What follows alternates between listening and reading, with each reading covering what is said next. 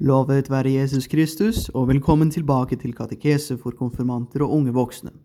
I dag skal vi fortsette der vi slapp forrige gang, med skapelsen av de rasjonelle vesener, engler og mennesker.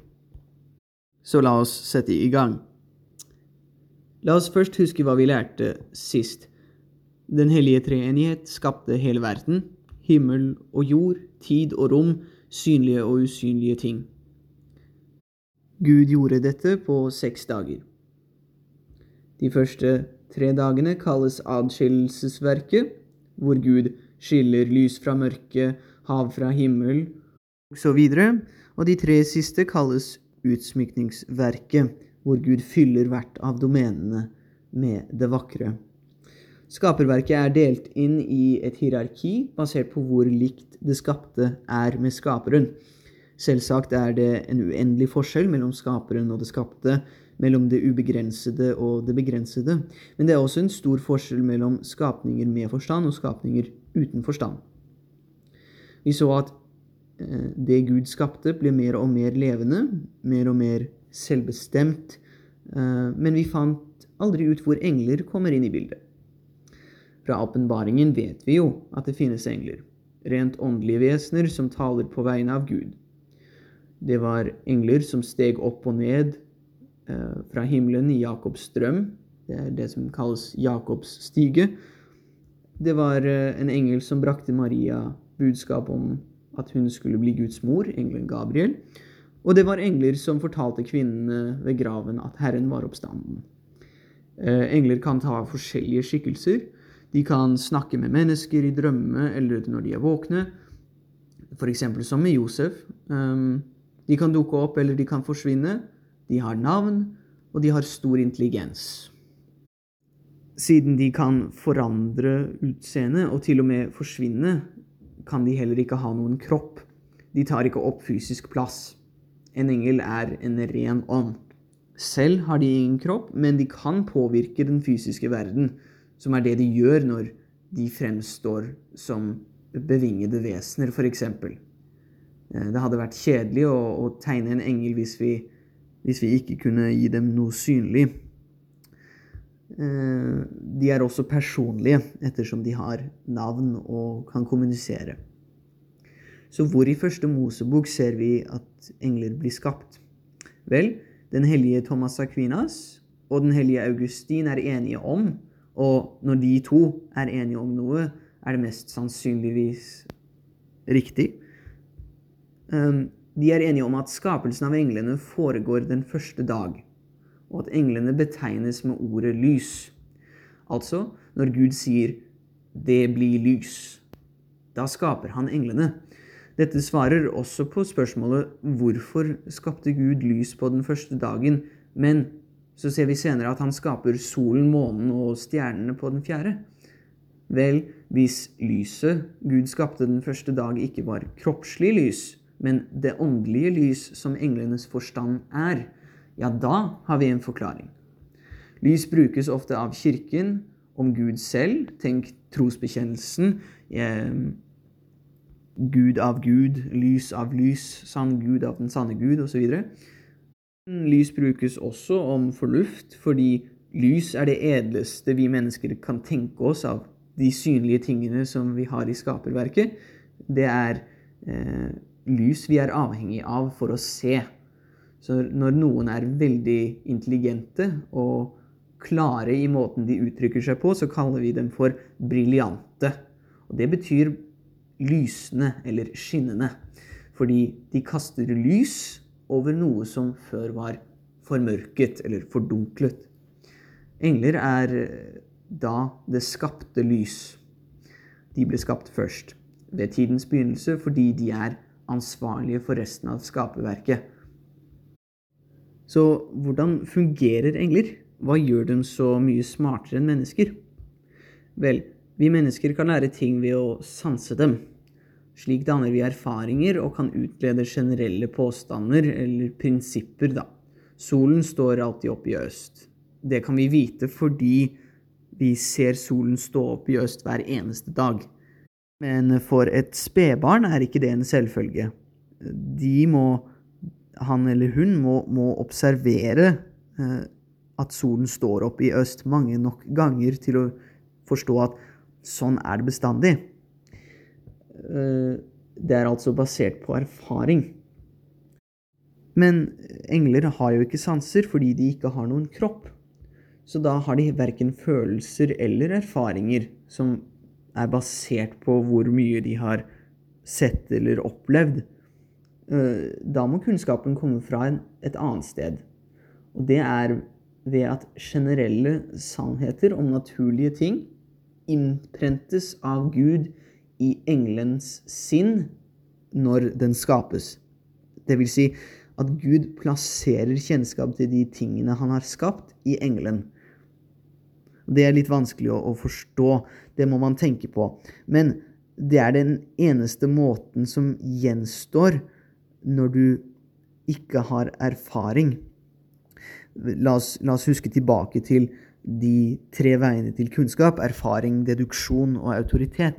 Vel, hvis du ikke har noe, noen generelle prinsipper, så har du ingenting å dedusere fra. Så deduksjon lar oss ikke eh, lære noe fra, fra bunnen av, om du vil. Det er bare ved erfaring, ved å se ting eh, og oppleve dem, eller ved at noen åpenbarer det for oss, at vi kan oppnå generelle prinsipper som vi da kan bruke i deduksjon. Men når vi ikke har noe å dedusere fra til å begynne med, må, og vi ikke har noe, noen erfaring å basere oss på, ja, da er det bare åpenbaring, Guds åpenbaring, Gud som legger kjennskap til de generelle prinsippene i vår natur. Englene vet altså hva, hva de vet, ikke ved å erfare mange tilfeller, men med å få prinsippet inn først. De har forståelse av at solen står opp i øst, fordi konseptene stjerne, konseptet planet, konseptet om himmellegemenes bevegelse ligger i deres natur. Da kan de resonnere seg frem til hvordan en bestemt planet i et bestemt solsystem, jorden og en bestemt stjerne, solen, beveger seg i forhold til hverandre. Og da skjønner du at solen står opp i øst, som vi, som vi pleier å uttrykke det, da. Fordi de har prinsippene i, i forstanden sin og er fullstendig rasjonelle. Da bruker de heller ikke tid til å veie opp bevis for og imot eller å diskutere med seg selv eller andre. De ser med en gang eh, med fullstendig klarhet og sikkerhet hva det rette svaret på et spørsmål er. Fordi de har prinsippene og, og fornuften eh, til en mye eh, mer perfekt grad enn det vi har. Så vet vi også at det finnes både gode og onde engler. fordi nå har vi snakket om englenes forstand, men hva med englenes vilje? Vi kjenner navnene på tre gode engler. Mikael, Gabriel og Rafael. Vi kjenner også navnene på en god del onde engler, som, som vi kaller demoner. Men uh, vi vil ikke gi dem æren av å bli navngitt når det ikke trengs, så jeg trenger ikke å nevne noen. Bortsett fra den eneste som jeg nevner, er Satan, demonenes anfører, djevelen, den høyeste av alle engler, um, som besluttet å søke sin egen ære fremfor Gud, um, og dermed tapte nåden. Når mennesker og engler tar valg, så gjør de det på bakgrunn av fornuft. Mennesken, men, menneskenes vilje kan jo forandres, siden fornuften vår er begrenset. Som vi sa, vet jo en engel alltid hva det rette svaret er. Men vi mennesker vet ikke alltid det, fordi vi kan overbevises av andre argumenter og, og kan overmannes av, av, lyster som kroppen gir oss. Så nettopp fordi vi ikke eier prinsippene uh, det full, til det fulleste, så er det en grad av uvisshet i vår kunnskap som mangler hos englene. Og siden vi har uviss kunnskap, betyr det også at når vi tilføres ny kunnskap eller, eller forstår noe på en bedre måte enn vi gjorde før, da kan vi forandre eh, synet vårt og altså beslutningene våre. På den, andre siden så kan vi også overmannes av, av kroppslige begjær, eh, som gjør at vi ikke tenker fornuftig og velger noe vi ikke burde. Og ingen av de tingene har, har engler. De har verken den misforståelsen som kommer av eh, manglende kunnskap. Ei heller har de en kropp som kan forføre dem, eh, de, eh, som, kan, som kan overmanne dem. Ja, hva betyr det, da? Jo, det betyr at når en engel tar et valg, da angrer de aldri på det valget. Fordi de har, de har låst seg inn i den, det valget de tok. Uh, og er fullstendig overbevist om at det var det riktige. Um, så, så, når englene, de onde englene gjorde opprør, da, ble viljene deres låst inn i det valget. De fordømte englene forblir bestandig fordømt og kan ikke omvendes fordi de ikke har lyst til å bli frelst. Så noen lurer kanskje på hvordan en engel kan synde når han ikke har lidenskaper eller lyster som kan drive ham til unaturlige handlinger, og han har perfekt kunnskap om, om, om visse ting? Det er et godt spørsmål. Svaret er at man kan synde mot Gud på to forskjellige måter. Enten ved å bryte naturloven, eller ved å bryte med Guds overnaturlige lov. Det var ikke et brudd på naturloven å spise eh, av et frukttre, eh, slik som Adam og Eva gjorde. Men det, det var et brudd mot Guds overnaturlige lov, et brudd mot Guds direkte befaling om ikke å røre frukten. Engler kan ikke synde mot naturloven, akkurat som Adam og Eva i sine, sin opprinnelige rettferdighet ikke kunne synde mot sin egen natur. Men de kan nekte å adlyde Guds overnaturlige bestemmelser, fordi disse ikke gis av seg selv, men er avhengig av at vi forener oss med Gud i hans, i hans nåde. Så en demon kunne f.eks. ha gjort opprør da han fikk høre Guds plan for å frelse menneskeheten, fordi han mente at Gud var for barmhjertig, f.eks. Kanskje han ikke ønsket å dele himmelen med mennesker, eller kanskje han ikke kunne fordra tanken på at Guds sønnen skulle bli menneske. Nå har vi snakket eh, nok om englene, i hvert fall for nå, og vi ser eh, heller nærmere på mennesket. Mennesket ligner litt på dyr, og de ligner litt på engler også. De har en kropp med behov for søvn og mat og riktig temperatur og forplantning osv. Og, og de eier en sjel med fornuft og vilje i tillegg til sans, sånn som dyrene har. Fornuften søker sannhet og kunnskap, mens viljen søker det gode basert på fornuften. Vi kan tenke på abstrakte ting og bruker tid på kunst, kultur og filosofi i tillegg til overlevelse. Og vi er opptatt av å tjene og elske det høyeste gode og andre mennesker. Vi kan begripe generelle prinsipper og trekke konklusjoner basert på disse. Og denne evnen gjør oss unike blant skapninger her på jorden. Vi har en eh, rasjonell sjel og en kropp som tilhører oss. Mennesket består av en forening av kropp og sjel. Mennesket er ikke kropp pluss sjel.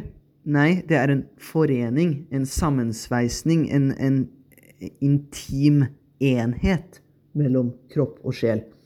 Um, kroppen er slik den er pga. sjelen, og sjelen er skapt for enhet med kroppen.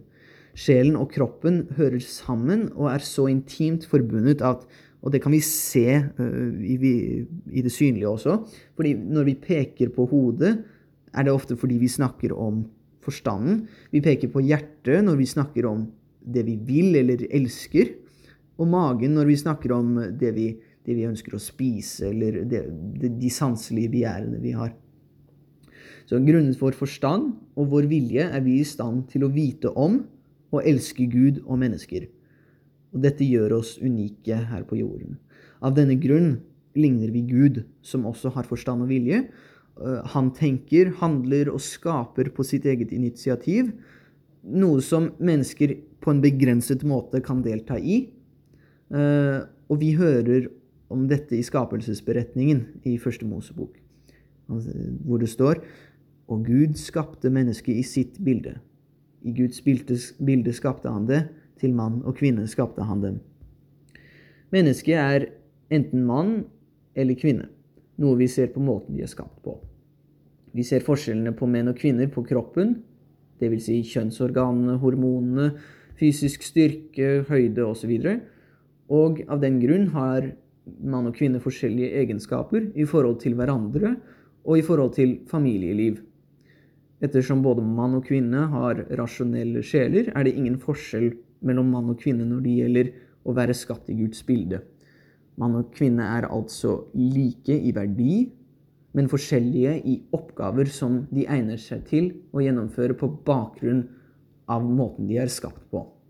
Mannens egenskaper skikker ham bedre til ledelse og forsvar, og kvinnens egenskaper skikker henne bedre til omsorg og oppdragelse. Disse oppgavene er ikke utelukkende for det ene eller det andre kjønn nødvendigvis, men naturen gjør det ene kjønnet mer skikket enn det andre til en viss oppgave. Mann og kvinne tiltrekkes naturlig av hverandre pga. disse forskjellene, ikke, ikke på tross av dem. Og dette er en anledning for gjensidig kjærlighet, alt til Guds ære. Dette er både klart fra naturen, ettersom å få barn krever en forening mellom én mann og én kvinne, og det er klart fra åpenbaring, siden det står skrevet de skal være ett kjød. Denne enheten kalles ekteskap, som er rettet mot å få barn og for å forene ektefellene i kjærlighet og tjeneste for hverandre. Dette var det jeg hadde for denne gang, og jeg gleder meg til neste uke, hvor vi skal snakke mer om menneskets natur, om menneskets hensikt, den frie vilje og om lykken. Alt godt i Kristus, i Faderens og Sønnens og Den hellige ånds navn. Amen.